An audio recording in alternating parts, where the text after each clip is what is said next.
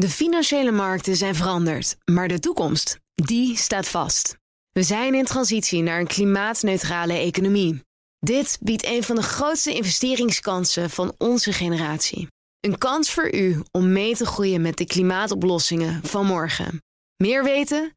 Ga naar carbonequity.com.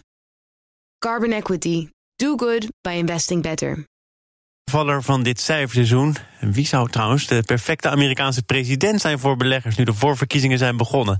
Komt allemaal ter sprake in het beleggerspanel vandaag bestaande Thijs Knaap, senior stratege bij APG, Martina Afkamp van Vintessa Vermogensbeheer en Mary Pieterse Bloem, lid van het ABN AMRO beleggingscomité en ook bijzonder hoogleraar financiële markten aan de Erasmus School of Economics. Mijn zakenpartner is Jacqueline van de Ende, partner bij Peak Capital. Welkom, fijn dat jullie er allemaal zijn. Met als traditionele eerste vraag jullie laatste transactie. Martine, zeg het maar. Ik uh, heb een ruil gedaan. Ik zat al in cybersecurity belegd via een tracker, maar ik ben geruild naar een andere tracker in digital security. Dus dat is net wat breder. Uh, de afkorting van de een was hack en van de ander is het lok.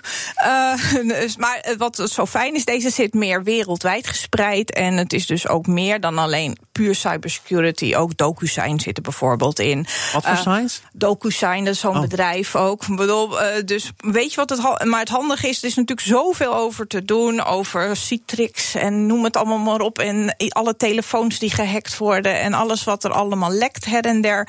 Um, dus het is wel iets waar heel veel in geïnvesteerd wordt. Dus maar er lekt al een hele tijd van alles. Ja, en dat blijft lekken waarschijnlijk nog wel. Dus maar, maar bijvoorbeeld Citrix en andere lekken, zijn dat dan voor jou aanleidingen om eens een ruil te overwegen? Nou, ik ben meer die ruil aangegaan omdat deze nieuwe tracker, omdat daar de kosten lager in zijn. En dat ik meer wereldwijd gespreid ben. En ook nog dat er veel meer uh, spreiding binnen de trekker zit. Uh, want dan wil ik ook wel graag, want je moet altijd proberen bij dit soort dingen op niet op één paard te wedden, maar proberen wat breder gespreid te zitten. Nou, en dan vond ik dit een mooie ruil voor mijn klanten. Begrijpelijk. Mary, wat uh, heb jij te zeggen over jullie laatste transactie? Ja, wij hebben de rentegevoeligheid van de obligatieportefeuille wat uh, teruggeschroefd. Uh, rentes zijn natuurlijk toch weer flink gedaald. Dus we hebben zeg maar obligaties met langdurige looptijden verruild voor wat kortere looptijden. Want ja, hoeveel lager kan het nog gaan? het kan eerder omhoog gaan. Ja. Dus dat is dan wel een beetje link. Maar dit, dit, dit hoor ik natuurlijk ook al langer. Ja. Jij ook. Hoeveel lager kan het nog gaan? Het kan eigenlijk alleen maar omhoog gaan. Ja, ja, ja. ja dat is zo. Ik zet het even op, ja. ja, ja, dat is voor jullie natuurlijk ook Voor pensioenfonds, ja. Maar is dit niet iets wat je dus ook al heel lang kunt zeggen? Jawel, maar wij spelen dit natuurlijk ook wel een beetje dynamisch. Want we zaten vorig jaar uh, overwogen die rentegevoeligheid. En we hebben die overweging wat, uh, wat teruggebracht. We hebben dus eigenlijk ook wat winst genomen op die posities. Thijs, papieren in de aanslag, parkeergarages, tolwegen, treinstations, windmolens. Wat zal het deze keer zijn? Ik worstel altijd een beetje met de laatste transactie. We zijn een grote belegger voor pensioenfondsen. Elke dag doen we er duizend. Dus het, het is wel moeilijk om de laatste te vinden. Dus ik denk, ik neem wat anders voor je mee dan een, oh. uh, dan, een, uh, dan een parkeergarage deze keer. Een bijzondere transactie die we gedaan hebben... is dat we lid zijn geworden van wat heet het Global Mining and Tailings Safety Initiative. Uh, dat is het volgende. Eh, als je uh, mijnbouw doet ergens in de wereld, dan uh, levert het vaak een heleboel afval op. En dan wordt er vaak een dam opgeworpen waar een heleboel smerig water achter terechtkomt. En dat is een gevaarlijk iets, want zo'n dam kan doorbreken. Een jaar geleden is er in Brazilië heen gegaan. Er zijn een hoop doden bij gevallen. Maar ook, ja, dat water is heel vies. Dat komt dan ergens terecht. En daar, mijnbouwbedrijven komen daar vaak mee weg. Niemand weet precies van wie die dammen zijn. Dat is diep in de jungle of het op anderszins, anderszins niet te achterhalen. En wat wij uh, met andere beleggers nu proberen is uh, in kaart te brengen uh, welke dam van wie is en in welke staat die is. En dat is dat Safety Initiative. Ja, dat is niet helemaal technisch een transactie, maar het is wel belangrijk. Want als econoom zegt dan de, de, externaliteit van die bedrijven, dus het feit dat ze dat soort schade kunnen aanbrengen en dat dan niemand weet van wie het is, kan je daarmee terugdringen. En daarmee kunnen we als belegger beter inspelen op van ja, waar zijn die mijnbouwbedrijven nou eigenlijk mee bezig en willen we deze partij wel helpen, willen we daar wel investeren als het niet zo goed gaat. En hoeveel krijg je daaraan duidelijkheid boven water? Dat is best lastig, omdat het natuurlijk om iets uh, gaat wat heel moeilijk te observeren is. En je bent in zekere zin bij afhankelijk van wat bedrijven daar zelf over kwijt willen. Maar het mooie is juist dat het eh, voor één bedrijf altijd geen goed idee is om daar iets over te zeggen. Maar als we het allemaal tegelijk kunnen doen, dan wordt het speelveld gelijk. En dan komt er redelijk iets uh, boven water. Dus we zijn op weg. Het is een initiatief. er moet nog een hoop gebeuren. Maar het is beter dan. De coalitie coalitie is een feit. Ja, exact.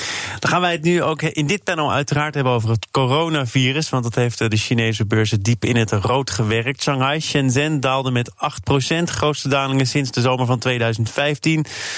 Er is 420 miljard dollar verdampt, begrijp ik. Heb jij de laatste stand van zaken, Miri? Want de koersval lijkt een beetje gestuit nu, hè? Ja, eigenlijk uh, veren aandelenbeurzen alweer uh, redelijk terug. Hè? Dus die, uh, die Chinese aandelenbeurs waar jij het over had, stond nou ja, vlak voordat ik hier kwam alweer 2,7% weer in de plus. En hij is dicht. ja, ja, dus dat blijft dus zo.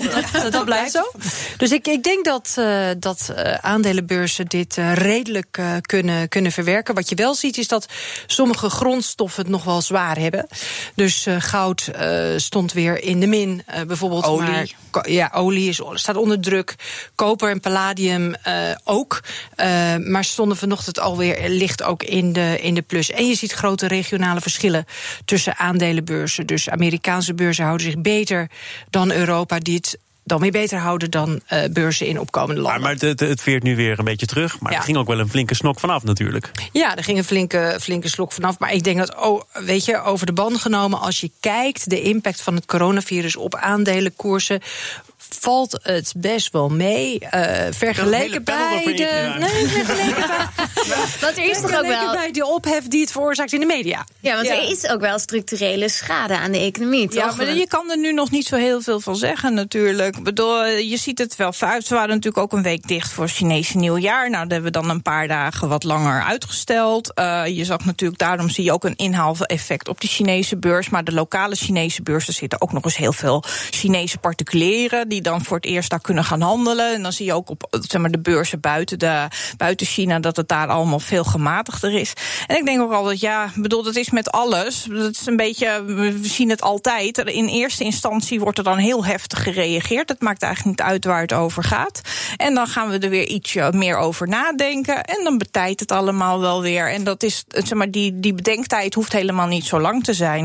Het is niet helemaal irrationeel, hè? want zo'n ziekte kan best heel erg uit de hand lopen. En dan ja. heb je ineens echt een ramp. En je maar, weet van tevoren nooit helemaal hoe. Nee, maar ja, bedoel, dan krijg je ook natuurlijk. Je kan het allemaal ook een beetje relativeren. Want er komen allemaal getallen voorbij. Dan denk ik, nou, dat vind ik wel tot op de cent nauwkeurig. Vind ik heel knap dat je dat kan. Ja, maar Thijs is China-expert. Ja, ja, nee, maar ja, aan de andere kant, als je kijkt gewoon naar een gewone griepepidemie. Dat uh, bedoel, ja. dan, dan gaan niet, worden veel meer mensen ziek. En, het is niet zo onvoorspelbaar, hè? En dat, uh, dan weten we nou, ongeveer wat het is. Uh, en dan, nee, dan maar dan heb je ook geen vaccin. Voor de meeste griepvidie heb je ook geen vaccin. Ik zag vanochtend, ik zat te kijken bij het Chinese nieuws. En uh, de, de, de, het grote, de grote dubbele ramp was eigenlijk dat het tijdens het grote reisseizoen, ja. het Chinees nieuwjaar, uh, plaatsvond. Ja. En dat is ook het seizoen waarin er heel veel omzet gedraaid wordt in restaurants, in hotels, uh, nou ja, tour operators, dat soort dingen. Dus het getal wat ik voorbij zag komen, het nauwkeurige getal, zeg ik tegen jou, is dat het ongeveer uh, 1000 miljard yuan, dus dat is ongeveer 1% van het Chinese BBP, aan omzet scheelt voor die sectoren. Nou ja, dat, dat is 1%, dat gaat meteen van je, van je groei af. Dat is best een groot cijfer, uh, gegeven de ja, 6% ja. groei die ze hebben. Maar ik denk dat, ik wil ook even aanhaken op de opmerking die jij als allereerste maakt. Dus structurele schade voor de economie. Dat is niet hoe een econoom ernaar kijkt. Een, economie ziet, een econoom die ziet dat er uh, zeg maar uitstel is van activiteit. Omdat de activiteit wordt bevroren. Er worden mensen in quarantaine gehouden. Nu zelfs uh, één of twee cruiseschepen waar mensen niet vanaf mogen. En dat betekent dat, dat er dus heel tijdelijk even geen activiteit daaruit vandaan komt. Je hebt structurele impact als er een deel van je productiecapaciteit wordt weggeslagen. Nou, en dat is alleen maar het geval als er heel veel ongevallen zijn, wat we natuurlijk niet hopen. Um, of als, of als er echt bedrijven omvallen. Ja, of als het heel langdurig aan. En als het langdurig is. Maar meeste virussen ga je door een cyclus heen van dat het virus zich eerst verspreidt. En dan, nou, dan, is, dan, is, dan is dus die uitgestelde activiteit. Maar die uitgestelde activiteit wordt later weer ingehaald. En dat is wat ook heel veel rapporten eigenlijk en ook onze eigen econoom bij ABN AMRO ook zeggen. Ja, en dan is nu eigenlijk een goed moment om te investeren. Nou ja, ja het ligt eraan. Je weet nog niet hoe lang het duurt. Zeg maar. Je moet eerst nog door de put Ja, ja. bedoel, maar ja, op zich, als je wat langer naar de wat langere termijn kijkt, kijk bijvoorbeeld ook een Starbucks of een McDonald's die allemaal vestigingen nu dichtgooien daar in China. Ja, dat zal in ieder geval om de omzet zal dat impact gaan hebben. Dat is niet zo moeilijk. Maar ik bedoel, ja, het ligt eraan hoe lang ga je dat allemaal dichtgooien. Dus ja. Het gaat, gaat nu weer over China. We ja. hebben het in eerdere panels ook wel eens gehad over het streven van China, de ambitie om de financiële markten wat meer open te stellen voor buitenlanders, ook voor buitenlandse beleggers. Um, houden die koudwatervrees? Of was dit sowieso een ambitie die ooit is geformuleerd, maar nooit echt gestald heeft gekregen? Nee, ik denk dat dat gewoon doorgaat. En je ziet ook wel dat de Chinese nationale bank al bijvoorbeeld heeft ingegrepen door meer stimuleringsmaatregelen te geven om de boel te kalmeren. Nou, dat is in eerste, in eerste instantie natuurlijk gericht op de lokale bedrijven. Uh, dat die dus tegen lagere rentetarieven kunnen, kunnen blijven leven, zodat ze deze periode van inactiviteit kunnen, kunnen overleven. Maar ik, ik denk dat, weet je, op de achtergrond die lange termijn plannen die China heeft om zijn markt openstellen hier niet wordt, door wordt geschaad. Het interessante verhaal is natuurlijk dat als je buitenlandse beleggers vraagt van willen jullie in China investeren, dat ze dan zeggen ja nou we zien de grote markt wel, maar we hebben grote twijfels bij de informatie die we kunnen krijgen over China. De bedrijven die doen maar wat, die vertellen nooit wat ze doen. De overheid is wat uh, onduidelijk over wat ze doen. zit ook in die grote bedrijven. Eh, dat ook nog een keer. en uh, wat je dus nu ziet is dat China probeert op allerlei manieren te zeggen van nou jongens, kijk, we hebben uh, nieuwe wetten, bedrijven moeten nu rapporteren, wij gaan zelf transparanter zijn. En nu komt dat virus en het eerste wat je hoort is dat de overheid allerlei dingen verzwegen heeft en dat het allemaal in eerste instantie niet goed ging. Dus voor mij is het een heel interessante vraag of wat de Chinezen willen eigenlijk wel kan. Ze willen aan de ene kant open zijn tegen buitenlandse beleggers, maar ze willen ook wel het recht houden om zelf allerlei dingen onder de tafel te schuiven en daar dan niet open te zijn. Dat levert hele ongemakkelijke uh, situaties. En ik ben het wel met je eens, want volgens mij probeerde je dat te vragen. Als het zo blijft als het nu is. Thijs. Ja, dan uh, zullen de buitenlandse beleggers misschien zeggen van nou, dit is misschien toch niet zo'n hele prettige markt om in te opereren. En uh, ja, dat is dan typisch wat de Chinezen niet willen, want die zitten wel echt te wachten op die expertise en dat kapitaal van buiten. Maar Miri, denk jij daar toch wat anders over? Hè? Die grote ambities van China, ze hebben ook de tijd, hè? Dat is altijd het grote voordeel van China. Het hoeft niet per se morgen. Ja. Uh, nee, dat klopt. Dus ze hebben een, een hele lange adem. Ik denk dat ze eigenlijk grosso modo wel adequaat hebben gereageerd. Want ze hebben veel beter gereageerd dan bijvoorbeeld uh, tijdens het vorige SARS-virus. Ja. ja. Dus ze waren de, uh, vergeleken met die casus een aantal jaar geleden veel en veel sneller. Wij hebben in Wuhan een ziekenhuis uit de grond getrokken in tien dagen. Mm -hmm. Dat is onvoorspelbaar. Um, maar goed, ik denk dat, uh, weet je, China aantrekkelijk, uh, ja, maar je moet, het, je moet wel de volatiliteit aankunnen. Want het is een enorme bewegelijke markt. Maar ja, dat heb je in wel meer opkomende markten, zeg maar. Dus dat scheelt Je moet het tegen kunnen. Hier. Martina Hafkamp, Miri Pietersbloem, Thijs Knaap en mijn zakenpartner Jacqueline van der Ende. En wij gaan het hebben over het cijferseizoen, want dat verloopt tot nu toe meevallend.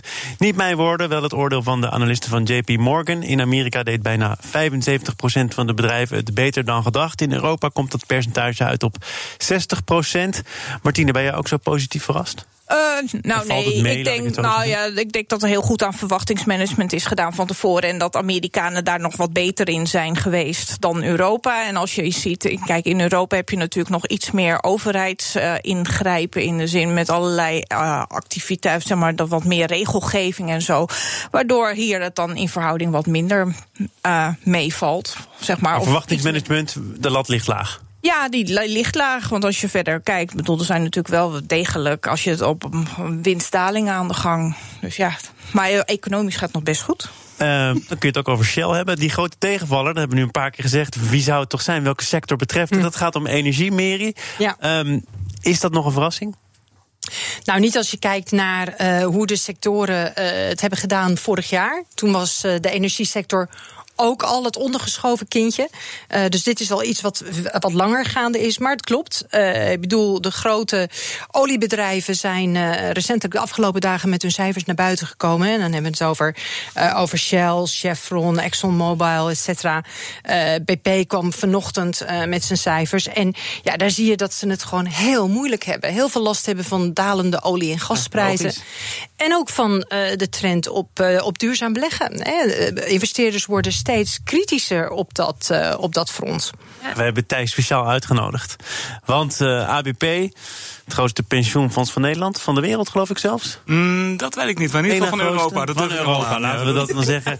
Heeft ook uh, ambities geformuleerd. Maakt deze week bekend dat het in 2050 klimaatneutraal wil zijn. Wat gaat dat voor jou als belegger van APG betekenen. Ja, want ABP is onze grootste klant. Precies. En zij hebben inderdaad hun, hun doelen bijgesteld voor, uh, voor de komende jaren. En ja, dat betekent dat we weer flink uitgedaagd worden om die, om die doelen te halen de, de komende, uh, nou ja, misschien wel 30 jaar geloof ik dat ze, dat ze doorgaan. De afgelopen vijf jaar hebben we de meeste doelen gehaald. Uh, en, dat, en, daar, en daar gaan we mee door. En daarbij wordt, is het niet alleen klimaat, hè, dus er zijn drie grote transities. Energie opwekken uit duurzame bronnen, maar ook het behoud van natuurlijke grondstoffen en het begeleiden van digitalisering van, van processen. Als je nou vraagt wat betekent het voor mij, ik heb dus ook eens even gekeken wat dat nou, hoe, hoe gaat dat nou uiteindelijk in de, in de loopgraven bij APG eh, zijn effect hebben. En dan valt mij op dat heel veel dingen toch uh, draaien om meetbaarheid. Dus we, we, willen graag iets bijdragen aan die, aan, die, aan die transities. Maar hoe weet je nou of, of dat gelukt is? En nou, dan, bijvoorbeeld met klimaat hebben we een grote focus gelicht op hoeveel, ja, hoeveel CO2 stoten de bedrijven in onze portefeuille nou uit. En kunnen we daar iets aan doen? Kunnen we dat terugbrengen? Nou, dat kan je meten en dan kan je dat doel kan je zeggen of je het gehaald hebt of niet en wat het gekost heeft. En een, een heleboel dingen komen er nu op neer dat we andere zaken ook meetbaar moeten maken. Dus... Ja, ik, ik, vraag het ook eigenlijk trouwens. Ik ben ook wel echt nog benieuwd naar je antwoord. Maar ik las een interview met Corine Wortman, de bestuursvoorzitter van het ABP. Die zegt: uh, ja, we willen onze beleggers ook niet al te veel beperkingen opleggen. Maar die beperkingen die gelden natuurlijk wel degelijk. Ja, Nee, dat is waar. Het is niet te veel, maar die, die zijn er wel. Dus je wilt, uh, als je meerdere doelen wil bereiken, ja, dan, dan, dan beperkt dat je. Dus, dus wat, gaat, wat, wat, wat kan er, denk je, de komende jaren dan niet? Omdat de ABP, jullie grootste klant, doelstellingen formuleert wat dan nu nog wel kan? De, wat ik zeg, de, de, doelstellingen die proberen we te kwantificeren. Dus als wij zeggen we willen uh, iets doen aan het klimaatbeleid, we willen uh, de, de, de, transitie uh, met behoud van natuurlijke grondstoffen faciliteren, dan maken we dat meetbaar. En dan zeggen we oké, dan gaan we meten met CO2-uitstoot of met wat er gebeurd is met, met de voorraden grondstoffen die de mensheid ter beschikking staan. en dan wordt dat een, ja, een, een beperking die bijvoorbeeld voor een portefeuillemanager betekent dat hij de CO2-uitstoot in zijn portefeuille niet mag verhogen. Dus dan dan kan je zeggen, ja, ik wil heel graag een oliebedrijf... verhogen, dat klinkt wel weinig Nee, maar... Eh, en uiteindelijk gaat het plafond steeds verder naar beneden. Nee, maar, maar je snapt dat je dan, als je zegt van ik wil graag dit bedrijf kopen... want het gaat heel goed doen, uh, maar uh, de CO2-uitstoot is heel hoog... dat dat soms niet kan. En dat laatste wat ik erbij wil zeggen. Onze inschatting is dat dat uiteindelijk kan met behoud van risico- en rendementskenmerken. Dus dat, dat dat uiteindelijk qua beleggingen ertoe moet leiden. Dat quote, we... Een quote Wortman zegt ook dat ze beleggers niet te veel beperkingen wil opleggen. Dat gaat ten koste van het rendement. Ja, ja, ja dat ik wel heel bijzonder. Ja, vond ik ook heel bijzonder. ik vind het heel mooi hè, hoe, hoe ABP bezig is. Want het is een, het is een enorme reus. Dus als die uh, echt wat gaat doen, dan zet hij wel wat in beweging. En het, heeft ook, het fonds heeft een enorme voorbeeldfunctie, vind ik, voor uh, pensioenfondsen in, uh, in Nederland. maar twee dingen moet je je wel bij bedenken. Het, het, het, is een gigant. Dus het, ABP is echt een olietanker. Die kun je maar heel langzaam draaien. Dus we hebben het over een klimaatneutrale beleggingsportefeuille in 2050. Dat is over 30 jaar. Hè? Ja. Um, en we hebben het ook over bijvoorbeeld dat ze zeggen van nou, nu beleggen we voor 30 procent, uh, niet, niet langer in bedrijven die meer dan 30 procent van hun omzet uit kolenmijnen halen, 20 procent uit teerzand. In onze duurzame portefeuilles, bij uh, ABN AMRO, ligt dat uh, plafond al op 5 procent. Om maar eens even wat te noemen. Nou, maar weet je wat ik ook, wat ik nog meer een beetje afvraag ook? Um, uiteindelijk gaat het toch ook om het rendement onderaan de streep. En we hebben al een paar keer eerder deze groene golf gezien, zeg maar. Als ik het even heel uh, chargeer in 2000. Nou, toen ging de beurs naar beneden, toen werd het allemaal iets minder groen. In 2007 hebben we eenzelfde golfbeweging gezien. En nu ook weer, kijk, is, het geld klotst tegen de plinten op nu. En er gaat heel veel, je ziet het ook op alle gebieden er gaat heel veel die kant op. En ik vind op zich, zeg maar, duurzaam beleggen. Bedoel, heb ik, niks, ik heb er niks tegen. Ik doe er zelf ook aan mee. Uh, want ik let er altijd, neem, neem het altijd mee in de beleggingsbeslissing. Het is nu veel makkelijker. En op het moment dat het rendement onder druk staat, dan wil ik wel zien hoe dat dan gaat. Want dat is ook een hele belangrijke kanttekening die er gemaakt wordt. Want, dat is nog een vraag. Want heb je genoeg uh, beleggingsmogelijkheden? Ja. want er is inderdaad, je ziet massaal fondsen eigenlijk switchen. Nou, Thijs, jij bent de hoofdgast van vandaag. Ja, het is leuk dat ik daar uh, uitgebreide tijd voor. Ja, dus dat zijn allemaal moeilijke vragen. En een heleboel van dit soort uh, gebieden zijn gewoon ook terra incognita. Dat weten we ook niet. Dus wat, daar vandaar dat ik de nadruk leg op. We moeten dingen ook meetbaar maken. Dus we willen graag weten, als we het beleid veranderen, wat, wat, wat voor effect heeft dat op de doelen die we proberen te bereiken. En, en achteraf, wat heeft het, heeft het wat gekost? Wat heeft het opgeleverd? Uh, en dat willen we gewoon meetbaar maken. En daarvan weten we, we denken dat we dat, we dat goed kunnen doen zonder dat we daar uh, grote verliezen op leiden. Maar dat moeten we gaan zien en dat gaan we checken, hè, lopende. Nou, er zijn doelstellingen geformuleerd. Dat, dat klinkt niet als heel vrijblijvend. Ik merk uit jouw woorden, Miri, dat jij zegt 2050. Dat is misschien voor een olietanker als ABP en daarmee ja, is niet onredelijk. Het is niet onredelijk. Maar ik denk dat je wel heel voorzichtig moet zijn met uh, beleggers, of in dit geval uh, pensioendeelnemers, hogere rendementen te beloven. daar ben ik wel met Martine eens. Ik denk dat wat uit academische studies vooral blijkt, uh, is dat het heel erg afhangt van de horizon die je kiest, van de asset class die je kiest. De enige algemeenheid die je kunt zeggen is dat je veel meer risico uit de portefeuille haalt. Dus naar risicogewogen rendement kan het gelijk blijven, maar absoluut rendement is nog wel een ander verhaal. Dus ik, ik, wij zijn er heel voorzichtig mee bij ABN AMRO om onze klanten hogere rendementen te beloven. En volgens mij moet je dat met een duurzaam product ook niet doen, want er komt een andere dimensie bij. En dat is duurzaam beleggen. En dat doe je ook om een andere reden. Ja, maar ik vind dat je überhaupt nooit rendementen moet, beleggen, uh, moet beloven. Nee, volgens mij. Dus, dus, eh, ik heb niet gehoord dat er hogere rendementen beloofd zijn. We hebben gezegd, we, kunnen, we gaan deze overgang maken. En we, we denken het te kunnen doen tegen, tegen dezelfde uh, condities als die we eerst hadden met risico en rendement. En daar komt bij dat, omdat we lange termijn belegger zijn, hebben onze deelnemers wel degelijk belang ook bij de wereld zoals die eruit ziet in 2050. En, en, ja, en je moet natuurlijk ook kijken, maar dat is natuurlijk ook de discussie met impact beleggen. Door juist wel in die bedrijven te blijven beleggen, kan je ook weer uh, dat je die omkrijgt om wat meer die richting op te gaan. Hè? Want daar kan je ook juist weer het verschil maken. Ja, exact. Jacqueline? Ja, moeilijke vraag. Maar we meten altijd beleggen met rendement. Is er misschien een noodzaak voor een andere metric om ook die impact uh, een wat holistischer cijfer eigenlijk om, om de impact te vangen? Wat, zou je, wat stel je voor? Ik weet niet, maar ik weet dat bijvoorbeeld Nicola Sturgeon en een aantal premiers bezig zijn met een andere manier van definiëren van, van economisch succes. Ik denk dat dat een hele interessante discussie is, ook voor, hè, voor ja, beleggen. Ik dat het, ja, ik bedoel, ik vind het hartstikke mooi, maar ik denk dat, uh, dan, dat je dan op een gebied komt waar mensen zeggen dat ze heel veel dingen wel aan willen bijdragen. Uh, maar op het moment dat het hun, zeg maar, hun pensioen kost, ja. de hoogte van hun pensioen, gaat er een hele ja, andere, een andere meetmethode. Als politiek gezien heb je in de miljoenennota, maar tegenwoordig wordt er ook bij vermeld wat de brede welvaart is en of ja. mensen andere vormen van geluk of welvaart ervaren. Dus die trend is er wel degelijk. Om niet ja, alleen maar te alleen kijken. geluk is natuurlijk ook een subjectief begrip. Wat voor de een geluk is, voor de ander Ja, geen precies. geluk. Daar Maar ga het je welvaart, hè? Dat is weer, nog weer breder dan geluk. Ja, maar jij, jij had het net ook. Ah, precies. Meri, zie jij het gebeuren? Dat we op een andere manier misschien kijken naar rendement... of dat anders kunnen uitdrukken dan op dit moment gebeurt? Nou, wat er nu natuurlijk een, vooral gaande is, en dat, eh, dat heeft uh, Thijs ook al aangegeven, de meetbaarheid van wat je doet, van je impact, kun je meten in uh, reductie van CO2, uh, uitstoot van je portefeuille, bijdrage aan uh, schoon water in de oceanen, nou, noem maar op. Daar heb je allerlei metrics voor. Er staan ook heel veel bedrijven op die dat allemaal heel keurig kunnen berekenen. Dat is op zich weer afhankelijk van wat bedrijven zelf kunnen rapporteren. Dus daar wordt nu ook aan gewerkt. Maar om dat dan weer onder te brengen in een financiële ratio, omdat, dat is best lastig. Dat gaat ons niet lukken voordat het volgende beleg. Ik ben bang voor niet. Dank voor jullie komst. Thijs Knaap van APG, kom nog een keer terug voordat het 2050 is. Zal wel lukken. Martine Hafkamp van Vitesse Vermogensbeheer en Meri Pietersen Bloem, lid van het ABN AMRO Beleggingscomité, bijzonder hoogleraar financiële markten aan de Erasmus School of Economics. En voor alle moeilijke vragen, Jacqueline van den Ende, partner bij Peak Capital. Fijn dat je er was. Dit was het voor vandaag. Morgen dan is Ad van Gils van PwC te gast. Vragen of hij wat heeft opgestoken van alle rapporten. Kritische rapporten over de accountancy sector. Morgen dus meer in BNR Zaken doen. Zometeen eerst Nieuwsroom, onze dagelijkse podcast van het FD en BNR met Mark Beekhuis. Veel plezier daarmee en tot morgen. De financiële markten zijn veranderd, maar de toekomst, die staat vast. We zijn in transitie naar een klimaatneutrale economie. Dit biedt een van de grootste investeringskansen van onze generatie. Een kans voor u om mee te groeien met de klimaatoplossingen van morgen. Meer weten? Ga naar carbonequity.com. Carbon Equity. Do good by investing better.